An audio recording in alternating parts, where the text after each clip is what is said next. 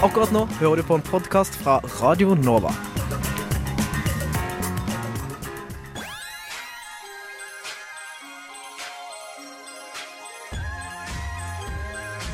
Radio Nova FM 99,3 og radionova.no.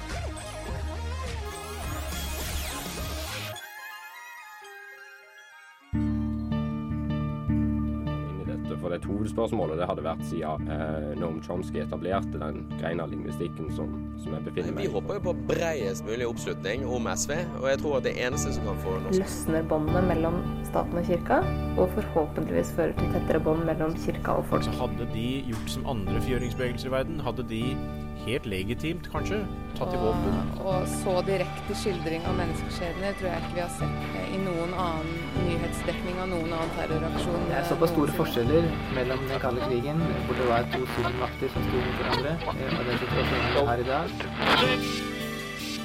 Du hører på samfunns- og aktualitetsmagasinet Opplysningen 99,3 på Radio Nova. Opplysningen 99,3 på Radio Nova. Frihandelsavtalen TTIP, som er under forhandling mellom USA og EU, har blitt mye diskutert og kritisert. Men hva går avtalen egentlig ut på, og hvilke konsekvenser vil avtalen ha for Norge? Stadig flere lever i utradisjonelle familieformer i dagens samfunn. Vil den såkalte stjernefamilien ta over for kjernefamilien? Søppelsortering har blitt en vanlig innslag i Oslo-borgerens hverdag. Men hva skjer med de blå og de grønne posene når de kommer til sorteringsanlegget? Vår reporter tok turen. En feriestasjon har en innvirkning på den enkelte nordmanns selvfølelse og identitet. og de har ikke råd til å betale eh, markedspriser for, for gassen. Akkurat nå hører du på Radio Novas samfunns- og aktualitetsmagasin, Opplysningen 99,3.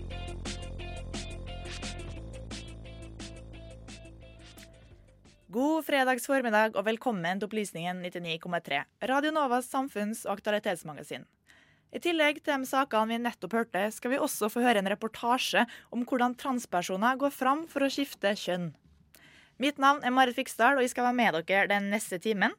Og aller aller først skal vi få litt musikk. Her får du 'Start Again Again' av The Good Sports fra Radio Novas A-liste.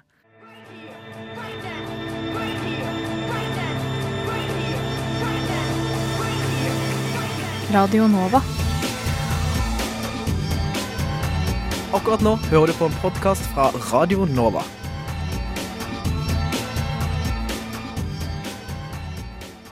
Der hørte vi sangen 'Start Again Again' med bandet The Good Sports.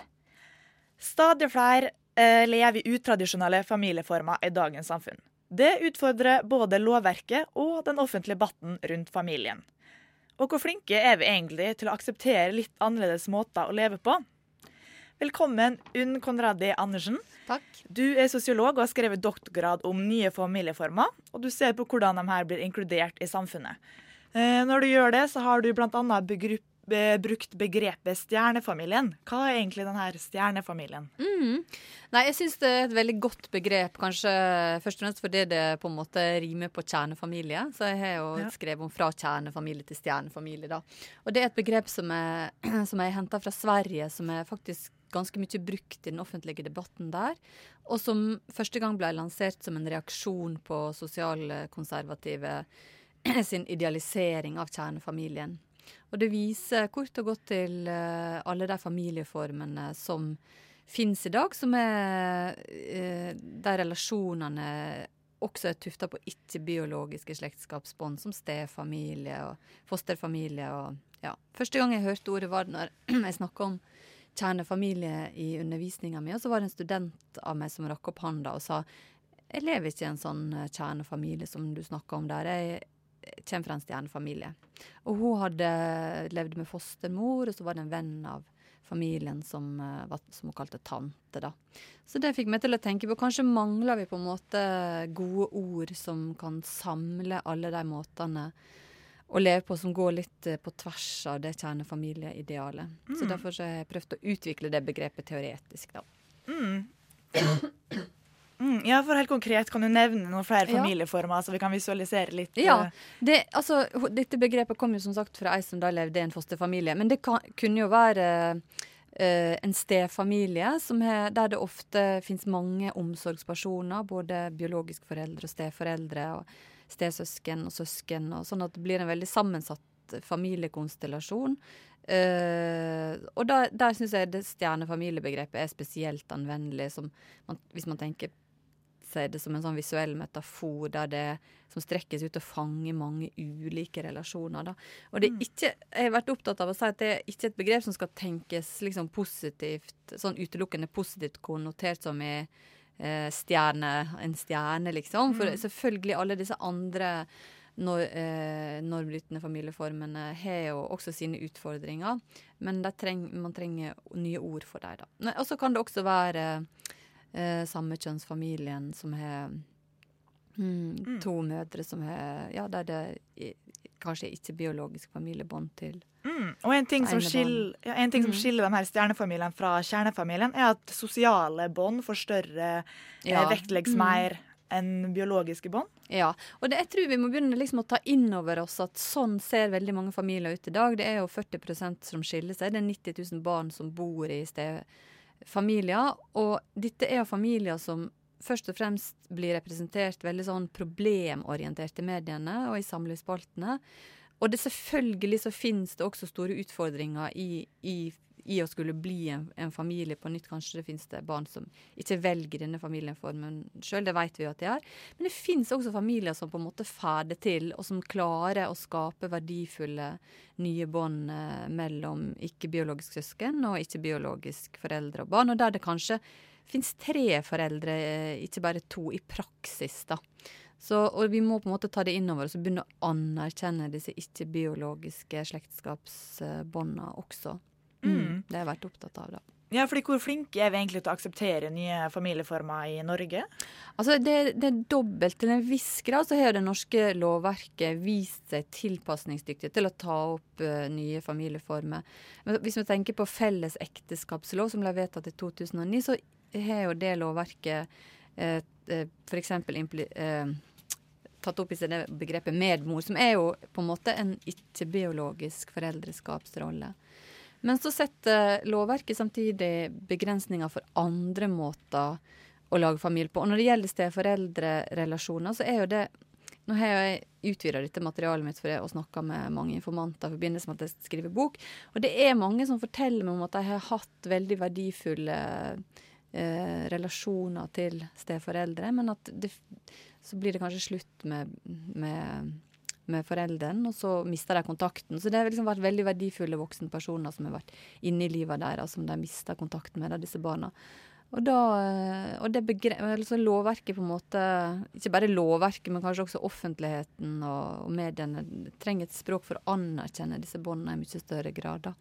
Og så er det jo et, en, en annen case som jeg har skrevet mye om, som er surrogati, som også begrenser jo måten å tenke familie på ved at det står i lovverket at den som føder barn, er barnets mor. Noe som utgrenser både surrogati og eggdonasjon. Men det blir kanskje for mye å komme, Ja. komme inn på på en gang. Vi får forholde oss Ja. til noen litt sånn Ja, men kanskje vi kan se, ta et skritt og se litt tilbake. Når var det sånne nye familieformer begynte å komme Ja. eller utvikle seg for fullt? Ja, det, dette går jo i fase. Altså På 70-tallet så var det jo en veldig sånn revitalisert, eh, spennende offentlig diskusjon om der ekteskapet på en måte idealet ble utfordra, og der man forsøkte nye boformer som, som kollektiv, og der man eh, på en måte prøvde å tenke nytt rundt hva en familie er. Og mange av disse forsøkene gikk, gikk jo på en måte ikke bra, men noen gikk bra. Og så har jeg tenkt at kanskje vi trenger en ny sånn debatt om, om måten å tenke hushold på i dag, da. Eh, som man hadde på 70-tallet. Men og, og, og når det gjelder skilsmisse og sånne ting, så kom jo det også på 70-tallet, ikke sant. Men, men man har jo en tendens til å tenke at alle, alle disse formene, sånn som stefamilie f.eks., er en ny familieform. Det er det jo ikke. Er Allerede på 1800-tallet så var jo det fantes det jo mange som, som levde med steforeldre, men da var det gjerne fordi at uh, biologisk forelder var død, og så kom steforeldre inn isteden. Og så bodde man jo på gårdene på slutten av 1800-tallet i utvida hushold med, med, ofte med tanter og onkler, omreisende, det kunne være løsunger. Og man hadde en mye større og mer inkluderende forståelse av hva en familie var. Familien var på en måte husholdet, og den var der for, at, for å få arbeidet til å gå rundt. da. Så dette kjernefamilieidealet som vi opererer med i dag, eh, har ikke noen sånn egentlig veldig lang historie. da. Og er også veldig ekskluderende på en måte i forhold til å tenke familie. Ja, Så vestlig familieform har gått fra storfamilie til kjernefamilie, og i dag til nye eh, Familieformer. familieformer. Ja. Men hva er det som er med, hva hvem er det som er med på å definere hva er det vi eh, ja, ser på som en familie? Hva som Mm. burde være en familie? Ja, altså Det er jo først og fremst lovverket som setter grenser og gir anvisninger i forhold til hva en familie eh, og som er med på å påvirke normene, f.eks. Men det fins jo bevegelser enkeltaktører som kommer opp i, i historien, og som er med på å bevege hele dette landskapet, og så, som klarer å sette i gang diskusjoner. Sånn som LLH for eksempel, har gjort en kjempestor jobb i forhold til å få gjennomslag for en felles ekteskapslov. Da. Så det går liksom eh, begge veier. Mm. Men i hvordan grad har vi egentlig et lovverk som åpner for uh, utradisjonelle familieformer i dag? Eh, altså, eh, lov Som jeg sa i stad, det er på en måte begge deler. Lovverket he, i Norge har på, en- på et nivå også vist seg fleksibelt for å ta inn nye måter å tenke familie på. Men, men, eh, men det er noen aspekt som staten ikke, på en måte, for å snakke om det sånn entallsordning, ikke ville slippe. Og det er f.eks. toforeldremodellen, som, som jeg prøver å problematisere litt i min avhandling der, i forhold til stefamilien. At av og til så Mm. finnes det faktisk flere enn to omsorgspersoner i praksis. da. Mm. Som jeg syns hadde vært spennende å diskutere inn i en offentlighet. Selv om jeg også ser at det er liksom litt kontroversielt. da. Mm. De, de nye familieformene som nå kommer mer og mer fram, Mm. eh, i hvilken grad utfordrer de kjernefamilien? Eh, altså, de, de utfordrer jo kjernefamilien på den måten at vi blir nødt til å tenke på slektskap på en annen måte. At familie og slektskap kan også være tufta på ikke-biologi. Altså, det kan være tuf, altså sosiale eh, familiebånd som har en lang kontinuitet, kan være like verdifulle og sterke som biologiske familiebånd, rett og slett. Mm. Mm. Og Du har jo hovedsakelig sett på surrogatifamilier, homofamilier og stefamilier. Mm. Um, har du noe inntrykk om det er noen samlivsform som oppleves som mer eller mindre tabu i Norge i dag? Altså Det det? som jeg begynte å tenke mer og mer på etter at jeg leverte levert avhandlinga, som nå kommer til å bli en sterkere del av den boka som jeg skriver, det er jo rett og slett å, og velge å leve et liv uten barn. da. Eh, så rett Og slett, og særlig de heterofile par som velger å Mm. leve uten barn. Det er kanskje det, de mest normbrytende i vårt samfunn. Mm. For, for, for lesbiske og homofile har jo i veldig stor grad på en måte tilpassa seg dette kjernefamilieidealet med to foreldre og, og to barn. Så de som ofte må svare mest for seg, og som, som mm, møter sterkeste reaksjoner, er, er jo gjerne par uten barn. da. Mm. Og helt til slutt, eh, har, har du noen tanker om hva som kan bli nye familieforhold i framtida, som ikke er vanlig i dag, men som kanskje blir mer vanlig? Altså det, det som allerede er vanlig, og som jeg tenker også vi må begynne å, å snakke mer om og, og ta mer på alvor, og kanskje oppvurdere, det er rett og slett det å bo alene. At veldig mange mennesker 40-50 i Norge bor i alenehushold. Og da er det jo også spørsmål om det er hensiktsmessig at alle skal sitte rundt omkring på styre, stor, dyre leilighet alene, eller om man skulle prøve å bygge og tenke annerledes rundt hushold, da, som også er en viktig diskusjon. Ja, det får bli siste ord eh, fra den tangen. Tusen takk, Unni Konradi Andersen, sosiolog og skriver doktorgrad om nye familieformer. Nå får vi litt eh, musikk her i Radio Nova. Eh, vi får 'Baby' av bandet Lumikide.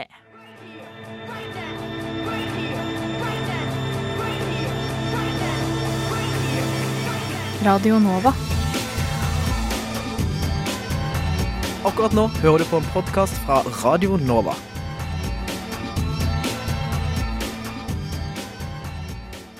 Der fikk du sangen 'Baby' av bandet Lumikide. Matavfall i grønnpose og plast i blå. Resirkulering av søppel har blitt vanlig kost for Oslo-borgerne. Men hva skjer med fargeposene når de når søppeldynga? Elisabeth Bergskau fra redaksjonen Viten, Vitenselskapet her på Radio Nova har besøkt Haraldsrud sorteringsanlegg. Her får du høre en reprise av reportasjen. Er det ned med briller? Å ja. Oi, kult. Å ja, ok. Vel, ja. Vi hadde vel ikke trodd noe annet, kanskje. Vi går inn i et stort rom og møtes av et enormt søppelberg. Det rager minst 10-15 meter over oss. Avfallslukta er intens. Det som skal brennes, det som går til forbrenning, det tømmes i den bunkeren der. Og det er det avfallet som ikke er sortert fra Oslos borgere. Det er det som eh, er de vanlige bæreposene med restavfall. Det ligger der og skal, eh, skal til brenning. Og det sorterte avfallet går inn i anlegget i de bunkerne der borte. Selv om berget av søppel som ligger her til forbrenning ikke skal inneholde noen blå eller grønne poser, kan jeg likevel se et par av dem. Ja, og det kommer av at det er en del som dessverre bruker de blå posene til andre ting enn plasten. Og da blir posene veldig tunge. Og da blir de tatt ut inne i, eh, i anlegget. Vi har en eh, såkalt en utblåser som gjør at posene går gjennom et eh, siste kvalitetssikringstrinn. Og posene blir blåst gjennom en maskin. Og hvis de veier mer enn en halvkilo, så så er det som regel fordi det er andre ting enn bare plast. Fordi plast er så lett. Over søppelberget henger det to gigantiske stålklør. Der oppe er det en sånn kran som akkurat nå tømmer ned i ovnen. Hvis ja, du ser litt bak her. Jeg så det. Så du? At den rører på seg? Ja, ja. Oh, yes. ja. Oh. Den grabben løfter nå avfallet opp. Løfter ca. et tonn avfall av gangen. Og slipper da opp i en ovn som er rett eh, ja, vi ser den ikke, det er på en måte rett bak der. Så er det en sånn trakt som går ned, og det er forbrenningsovnen på andre siden av veggen der. Og Det er da masse rør rundt denne svære varmeovnen, og inni varmeovnen brenner jo dette avfallet. Så avfallet varmer opp dette vannet, og dette vannet blir da sendt i store rør inn i fjernvarmenettet som går i store ledninger ned til rundt omkring i Oslo.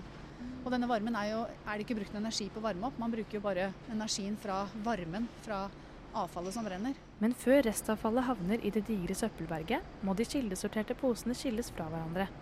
Vi følger søppelets ferd gjennom Haraldsrud-anlegget. De sorterte posene fra Oslos befolkning de tømmes i den bunkeren her og en bunker der borte. Eh, og her ser dere masse grønne og blå poser og vanlige husholdningsposer. Her har vi da et såkalt walking floor som beveger seg fram og tilbake for å fordele søpla, sånn at den skal komme jevnere inn i anlegget. Og du ser Det er veldig mye løst avfall også blant, eh, blant posene. og det, det, har blitt veldig mye bedre, men her ser du grunnen til at det er utrolig viktig at folk knytter posen to og tre ganger. Fordi når søppelbilen kommer, og hvis de er veldig løst knytta, så går de opp inn i søppelbilen, eller de blir ødelagt i komprimeringen hvis de ikke er knyttet godt nok. Og vi vil helst ha avfallet i hele poser, sånn at de optiske leserne, de sorteringsleserne maskinene våre, de kan måte, få se posene i helhet eh, og sortert i riktig. Vi forlater søppelhallen og forflytter oss inn i selve anlegget. Her går vi oppå en bro, og på hver side av oss ligger det søppel på hvert sitt gigantiske samlebånd.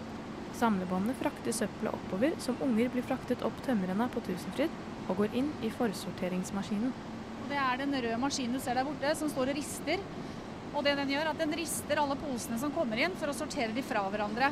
Så når det kommer store, svarte søppelsekker f.eks., som vi ikke vil ha inn her i anlegget, så sklir det gjennom på toppen og går rett ned på dette båndet som går tilbake til bunkeren med forbrenning, der inne hvor det står kranene. Vi beveger oss nærmere den røde ristemaskinen. Her nå så kommer det poser som eh, ristes fra toppen og nedover. Det maskinen nå har sortert ut, som nå skal videre til eh, optisk lesing. Der kommer den blå en, der borte ser du den grønne. Der kommer masse fine grønne poser med mat i. Videre går turen til et samlebånd med bøyelige metallarmer som skyver posene til side, og dermed sørger for at posene blir liggende én og én etter hverandre, slik at de skal bli enklere å lese. En, et optisk øye som står og leser, lyser ned på båndet, som leser posene eh, etter farge. Og de posene da, som er grønne og blå, de blir slått ut i hver sin side for å gå til sortering. Eh, mens da resten av restavfallet går til forbrenning. Så får vi ta en titt på hvordan dette foregår i praksis. Det du ser her nå, det er, dette, så, det er disse optiske leserne. Og de to der, eller de, disse, disse som er grønne, de leser de grønne posene. Denne leser de blå, og den siste leser både grønne og blå. Hvis du følger med på den armen der nå, så kommer den til å slå til en grønn pose når den kommer. Der, ja. ja.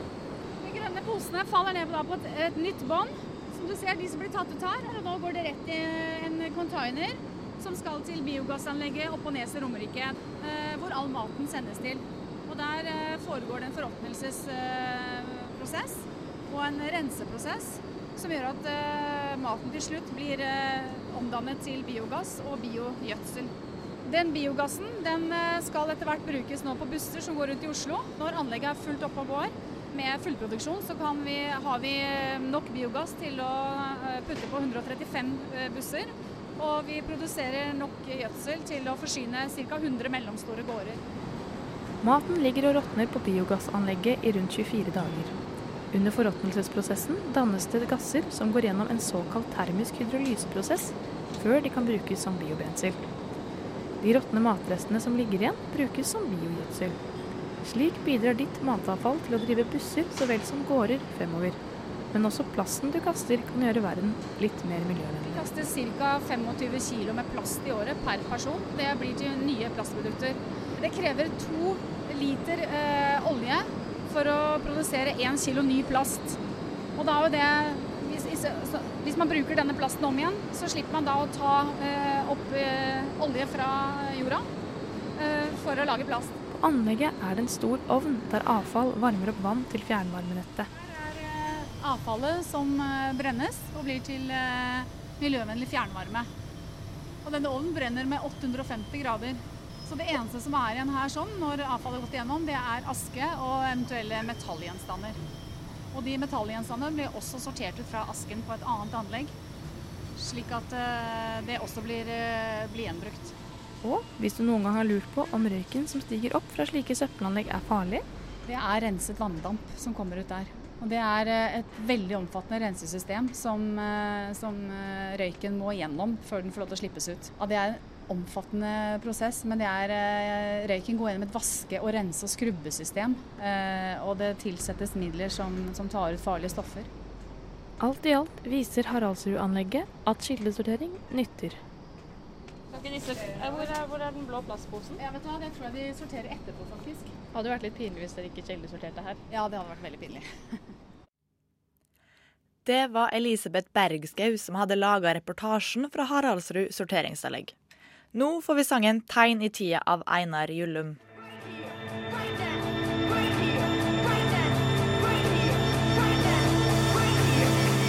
Radio Nova. Akkurat nå hører du på en podkast fra Radio Nova.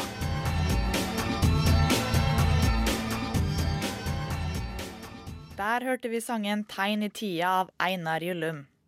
Frihandelsavtalen TTIP som er under forhandling mellom USA og EU, har fått mye kritikk og blitt mye diskutert.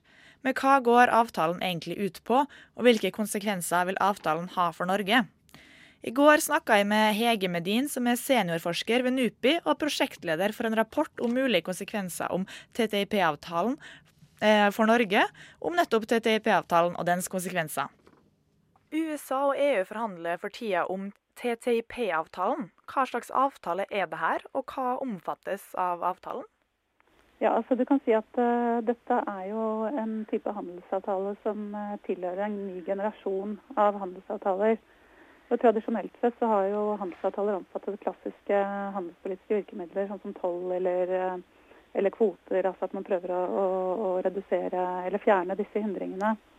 Eh, men det som man har sett eh, de siste årene, er at det blir stadig vanligere med handelsavtaler som eh, er mye mer dyptgående. Og som også omfatter handelsrelaterte områder, da, men som ikke er direkte knytta til handelspolitikk.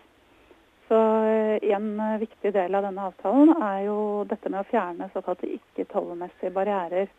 Og Det er barrierer for handelen som, som skyldes at land har ulike reguleringer og lover. F.eks. at man har ulike produktstandarder. Og ved å redusere disse hindringene, så vil jo da eh, kostnadene ved handel reduseres.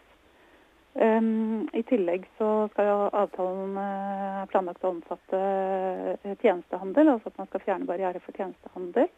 Uh, man skal fjerne barrierer for investeringer. Den skal også omfatte en rekke andre områder, som f.eks. offentlig innkjøp, intellektuell eiendomsrettighet osv.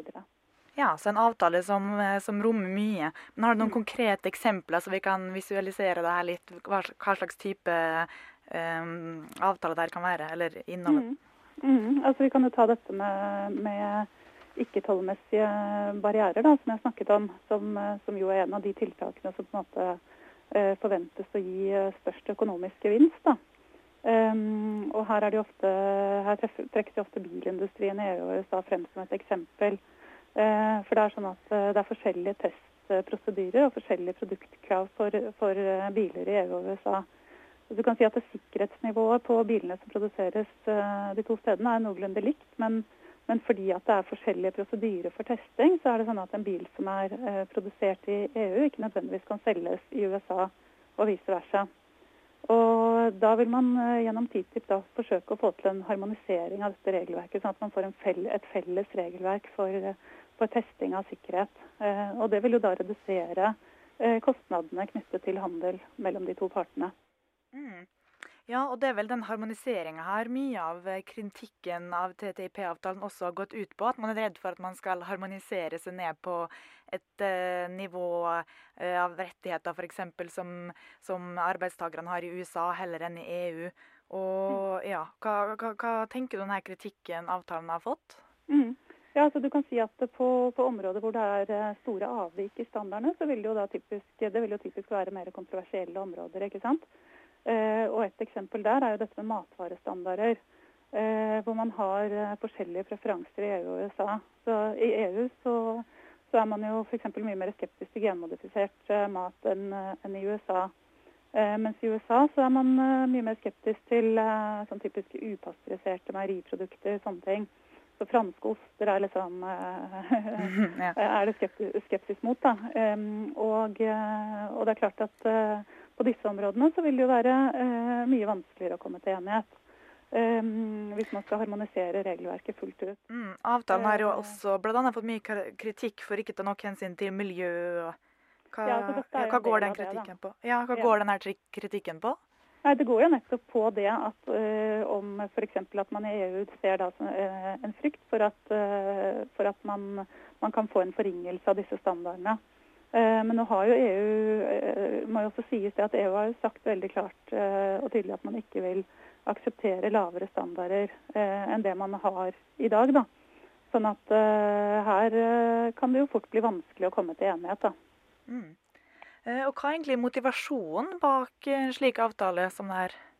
Ja, altså Når det gjelder denne avtalen mellom EU og USA, så er jo det altså Ideer om en sånn avtale har jo på en måte sirkulert lenge. Eh, men du kan si at det er først nå at det er ordentlig konkrete eh, forhandlinger om en omfattende avtale som er i gang. Eh, og En av årsakene til det er jo at man ser at forhandlinger i Verdens handelsorganisasjon, WTO, har, har stagnert. Så USA har jo tidligere hatt en politikk på at de har, har vært opptatt av å, å, å lage avtaler gjennom WTO-systemet.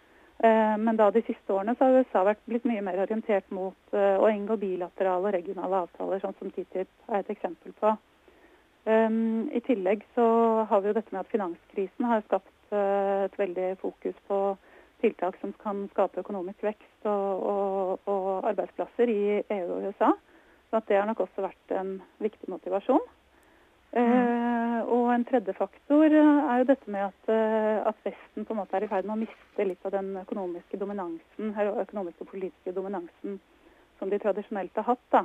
Altså, EU og USA jo Økonomiene der har jo utgjort en stor andel av verdensøkonomien. Og altså, De er fremdeles store. BNP i EU og USA utgjør til sammen eh, nesten 50% av verdens BNP. Eh, men denne andelen er synkende. og Vi ser at særlig Asia er på vei opp og frem. Og ved å forhandle frem en avtale, så kan de på en måte gjenopprette litt av denne tidligere dominansen. da. Det er jo også et uttalt mål med denne avtalen at den skal at EU og USA ser for seg at den skal fremstå som mal for fremtidige avtaler som, som de måtte fremforhandle med andre land. Eh, og, og, hvis de får til det, så vil de jo på en måte kunne legge føringer for verdens handelspolitiske regime. Sånn at det er mange, mange motivasjonsfaktorer egentlig bak denne avtalen. Da. Mm. Og Forhandlingene av avtalen har jo pågått siden 2013. Og den mm. åttende runde ble nettopp ferdig nå i februar. Mm. Eh, hvordan blir forhandlingene framover? Finnes, er det satt noen målstrek, eller? Ja, altså planen er jo, Ambisjonen er å bli ferdig i år. Eh, først så, først, opprinnelig så, så man jo for seg at man skulle bli ferdig i 2014. Eh, men det gikk ikke. Eh, så tenker man at man skal bli ferdig i år. Men eh, men eh, det er klart at man har jo ikke kommet til noe enighet enda om disse kontroversielle temaene. Sånn at, eh, og USA er også i sluttspurten på, på eh, forhandlinger om en annen veldig omfattende frihandelsavtale.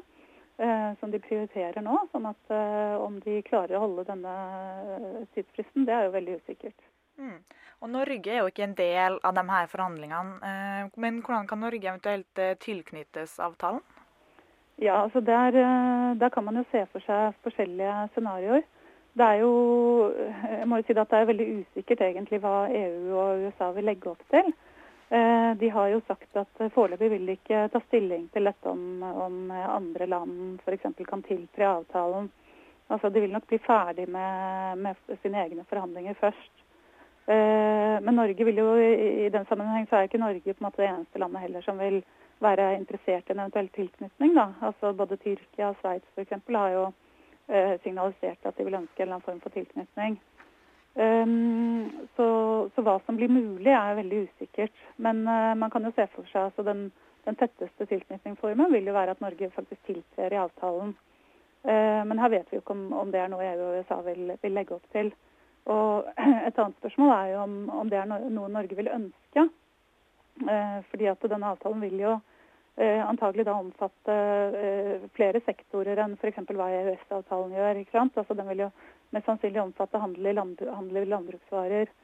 Og, og her vil jo Norge antagelig da være interessert i et unntak. Og, og det er jo ikke sikkert at, at EU og USA vil akseptere det. Um, så kan man jo tenke seg litt mer løsere tilknytningsformer. Uh, en mulighet er at Norge får en, uh, en uh, assosieringsavtale istedenfor å tiltre fullstendig. Ja, og Hvordan vil Norge påvirkes av avtalen?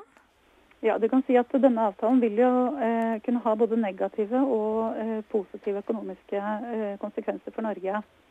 Eh, og Negative konsekvenser vil jo komme av det at når barrierene bygges ned mellom EU og USA, så vil de to typisk begynne å handle mer med hverandre og mindre med tredjeland. Så at handelen vris vekk fra Norge og over på EU og USA. Så norske eksportører vil møte da eh, tøffere konkurranse i både det europeiske og eh, det amerikanske markedet. Eh, Og dette vil jo da gjøre at norske eksportnæringer vil kunne bli skadelidende. Og Analyser som vi har gjort på NUPI viser at særlig da sjømateksporten vil kunne bli rammet av dette. Men samtidig så viser også analysene våre at sett i forhold til totaleksporten, så er disse negative eh, virkningene relativt moderate. da. Eh, Så kan man jo også, eh, men så vil det også kunne være positive effekter av en sånn avtale for Norge.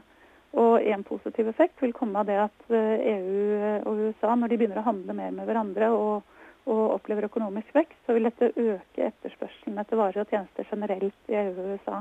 Og denne etterspørselen vil også da rette seg mot tredjeland. Så et eksempel eh, som er viktig for Norge, er jo det at når handelen øker over Atlanteren, så vil eh, Norge kunne oppleve en økt etterspørsel etter skipsfartstjenester. Så har du også en annen eh, positiv effekt som, eh, som vil kunne være spesielt viktig for Norge. Som kommer av det at når du bygger ned disse ikke-tollmessige barrierene som jeg snakket om, eh, så vil det eh, også komme tredjeland til gode. Fordi at eh, du får eh, eh, kun ett istedenfor to regelverk å forholde deg til når du skal eksportere til EU og USA. Og For Norge så er det jo viktig f.eks. hvis du ser på dette med sanitære standarder. Eh, Her har vi felles regelverk med, med EU i dag, eh, men ikke med USA. Og eh, norske eksportører av farmasøytiske produkter og næringsmidler som f.eks.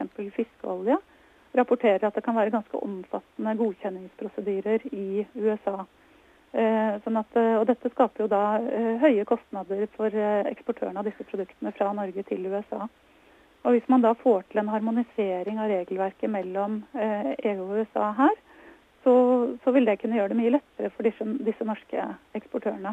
Hmm. Og ja, så Du kan også tilføye det at denne effekten vil kunne være spesielt viktig for Norge, fordi at eh, en del av dette TTIP-regelverket antagelig vil komme til oss gjennom EØS-avtalen uansett. Og at det vil kanskje være viktigere for Norge enn for andre tredjeland. Hmm. Og hvordan kan, eller bør Norge forberede seg allerede nå på de her konsekvensene, da særlig kanskje de negative konsekvensene? Ja, altså du kan si at uh, når um, uh, Hvis du ser på studier som er gjort av, av denne avtalen på, på totaleffekten på Norge, da, nå er det ikke mange studier som er gjort, men det er noen. Og noen av disse studiene viser jo at, eh, at disse positive eh, konsekvensene faktisk kan være større enn de negative. da. Sånn at Noen studier predikerer faktisk at Norge vil kunne få en liten økning i BNP som følge av denne avtalen. Men her er anslagene usikre, så noen predikerer en, en eh, svak negativ effekt for Norge. Så det er litt vanskelig å si. Um, og Når det gjelder hva Norge kan gjøre altså, Jeg vil bare understreke det at denne, altså denne avtalen vil være viktig, men, Men man skal heller ikke overvurdere betydningen av den. Altså Det trekkes ofte frem at eh, EU og USA står for, eh, for en veldig stor andel av verdens eh, varehandel. Eh, Men hvis du ser på handelen mellom EU og USA, som jo faktisk er den handelen som vil omfattes av avtalen, så utgjør den under 4 av verdenshandelen. Så Det er ikke det at det er et ubetydelig tall, men, men det er på en måte ikke eh, 50% ikke sant? Mm. og det er jo andre handelsavtaler, andre forhandlinger man er i gang med i dag som, som omfatter en mye større andel av verdens handel. Um, men det er klart at eh, det er jo eh, disse effektene av at denne avtalen kan fremstå som en mal for fremtidige avtaler og, og på en måte legge føringer for verdens handelspolitiske regime og sånne ting, er jo, vil jo kunne være viktig på sikt. Og det er jo virkninger som det kanskje kan være vanskelig å fange opp i, eh, i dag da, med direkte økonomiske analyser. Der hørte vi Hege Medin fra NUPI snakke om TTIP-avtalen. Nå blir det litt musikk. Her får du bandet Syntax Terrororkester. Du kan det, du kan det når du må.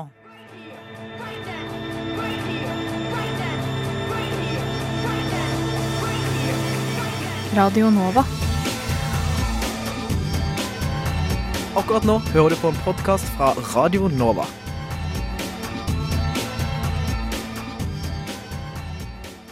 Der fikk du sangen 'Du kan det når du må' av Syntax Terrororkester. Tidligere i vår hadde vi besøk i studio av Luka Dalen Espseth, som snakka om transpersonenes rettigheter. I denne reportasjen forteller han om selve prosessen rundt det å skifte kjønn. Det er Elisabeth Bergskau fra Vitenselskapet som har laga denne reportasjen. Jeg har den legendariske F64-0-diagnosen. Så det er en egen diagnose? Det er en egen diagnose. Transmann og rådgiver i Landsforeningen for lesbiske homofile, Luka Dalen Espeseth, forteller oss hva det vil si å være transperson. Strengt tatt innbefatter det alle som har en kjønnsidentitet eller et kjønnsuttrykk som strider veldig med de normene som finnes i samfunnet. Um, spesielt mennesker som har en kjønnsidentitet som er forskjellig fra det som forventes ut fra hvilket kjønn de fikk tildelt ved fødselen. Da i hovedsak mennesker som enten da får tildelt jente eller gutt eller kvinne eller mann da, ved fødsel, som opplever seg selv som et annet kjønn enn det uh, når de blir større. Det er en veldig bred gruppe, og noen har behov for medisinsk kjønnsbekreftende behandling. Og da tilbys det i Norge i dag kjønnsbekreftende behandling til en liten gruppe av dem som føler det sånn. Um, og det, den behandlinga får man hvis man får diagnosen F64-0, transseksualisme. Men det er kun et fåtall av de som omtaler seg selv som transseksuelle, som får stilt diagnosen. For å få diagnosen må man bli henvist fra en psykolog eller en psykiater til Rikshospitalet. Det kan Kim Alexander Tønseth fortelle oss. Han er avdelingssjef på Avdeling for plastikk og rekonstruktiv kirurgi ved sykehuset. Og tar seg av de kirurgiske inngrepene på transseksuelle. Per dags dato er det ca. 200 slike henvisninger i året. Og av eh, de 200 pasientene, ja, så er det vanligvis 40 stykker som blir diagnostisert per år i Norge til å oppfylle kriteriene for å være transseksuelle. Rikshospitalet er det eneste stedet i Norge transseksuelle kan komme for å få medisinsk hjelp til å endre kroppslig kjønn. Der må de henviste pasientene gjennom en to år lang prosess med utredning før de eventuelt får diagnosen F64-0. Først da blir pasienten sendt videre til en hormonspesialist. De som vil gå fra kvinne til mann, får østrogen og testosteronblokkere. De som vil gå fra mann til kvinne, får testosteron. Luka Dalen Espseth har gått på testosteron i to år. Det første jeg merka etter at tissen ble større, var at jeg øh, stemmen begynte å knekke og ble litt sånn rar. Det kjentes som jeg var liksom forkjøla. Og så gikk det på en måte aldri over. Og så innså jeg at den drev og droppa. Og så er det sånne, veldig mange ting som skjer gradvis. altså Fettfordeling som flytter seg, og, og muskelvekst og sånn. Det er jo sånn som man ikke egentlig legger merke, så godt merke til. Men i hvert fall når jeg ser på bilder av hvordan kroppen min så ut for to år siden, så er det en markant forskjell i eh, Ja. Jeg har betraktelig mye bredere skuldre enn hofta, f.eks. Og det er en relativt uvanlig kroppsform for de menneskene som man anser for å være kvinner. Jeg har ingen bivirkninger jeg ikke ønsker meg. Uh, altså, jeg tenker at Det er masse virkninger til testosteron, men ingen som ikke er, ikke er ønskelig for meg. Eneste er mulig, liksom, at jeg begynner å bli tynn i håret, men det, det, er det mange menn som blir, så det må jeg bare deale med. Forskning på langtidsvirkningene av hormoner er foreløpig mangelfull, men Luca har ikke hatt videre grunn til bekymring, skal vi tro kirurgen Kim Alexander. Jeg mener du at det ikke har noen alvorlige konsekvenser, da, men de må følges tett opp av hormonspesialister som måler eventuelt benbygnings- eller bentetthet og måler alle andre nivåer av hormoner for å å ha det under kontroll. Da. Etter ett år på hormonbehandling kommer de pasientene som ønsker det, til Poliklinikken på Rikshospitalet. Her kan de få kjønnskorrigerende kirurgi i form av bl.a. brystkirurgi. Når det gjelder brystkirurgien, så eh, er det snakk om enten å fjerne brystene hvis det er fra kvinne til mann. Eh, og det kan gjøres med forskjellige teknikker avhengig av hvor stort brystet er. Og når det gjelder eh, mann til kvinne, så får jo dem som sagt en viss grad av brystutvikling pga. hormonene. Men hos de aller fleste så er det snakk om å legge til et brystimplantat. Etter enda 6-12 måneder kan de som ønsker det, få gjort kirurgiske endringer på kjønnsorganet sitt. Fra kvinne til mann er det da snakk om å rekonstruere penis. Det kan gjøres med to forskjellige teknikker. Den ene teknikken eh, dreier seg om å tilføre vev fra en plass på kroppen, slik at man kan gjenskape en penis. Som oftest så tar vi da hud og fettvev fra lysken og lager en eh, hudsylinder og rekonstruerer penis på den måten.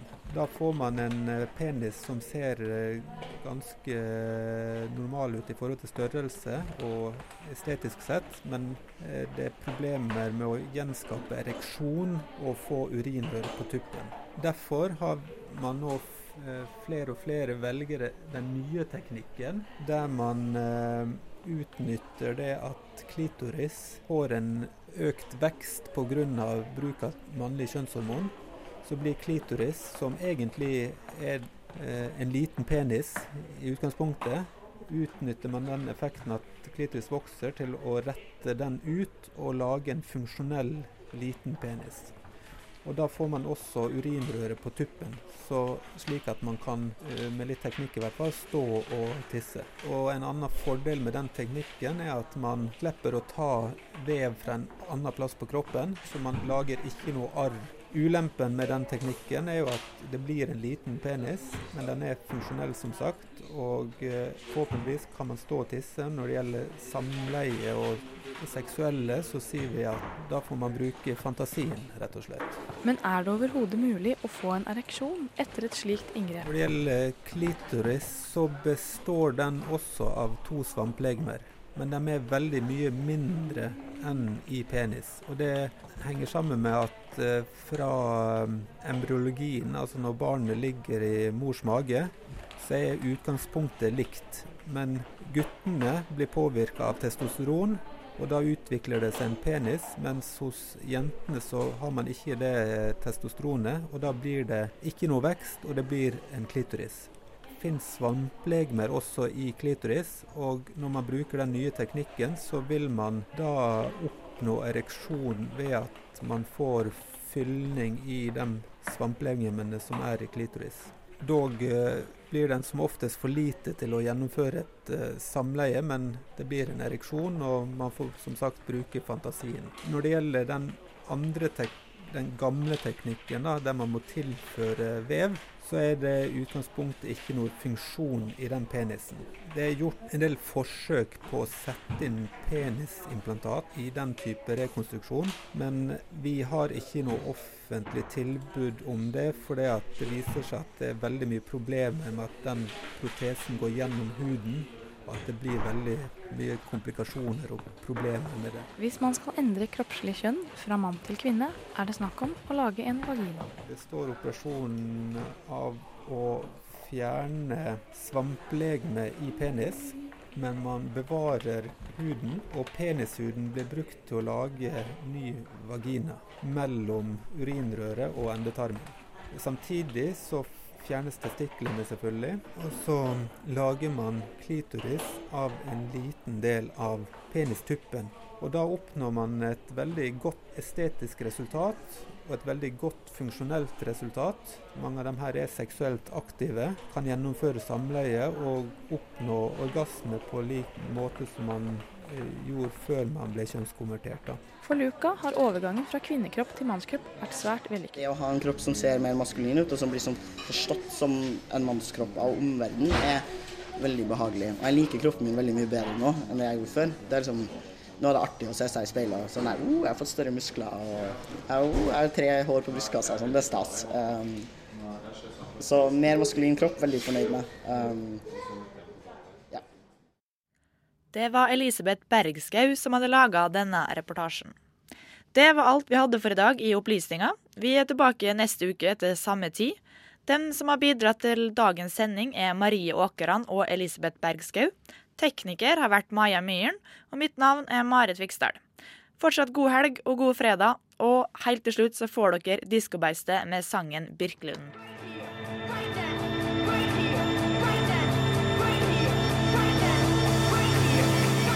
Radio Nova. Du har hørt en podkast fra Radio Nova. Likte du det du hørte? Du finner flere podkaster i iTunes og på radionova.no.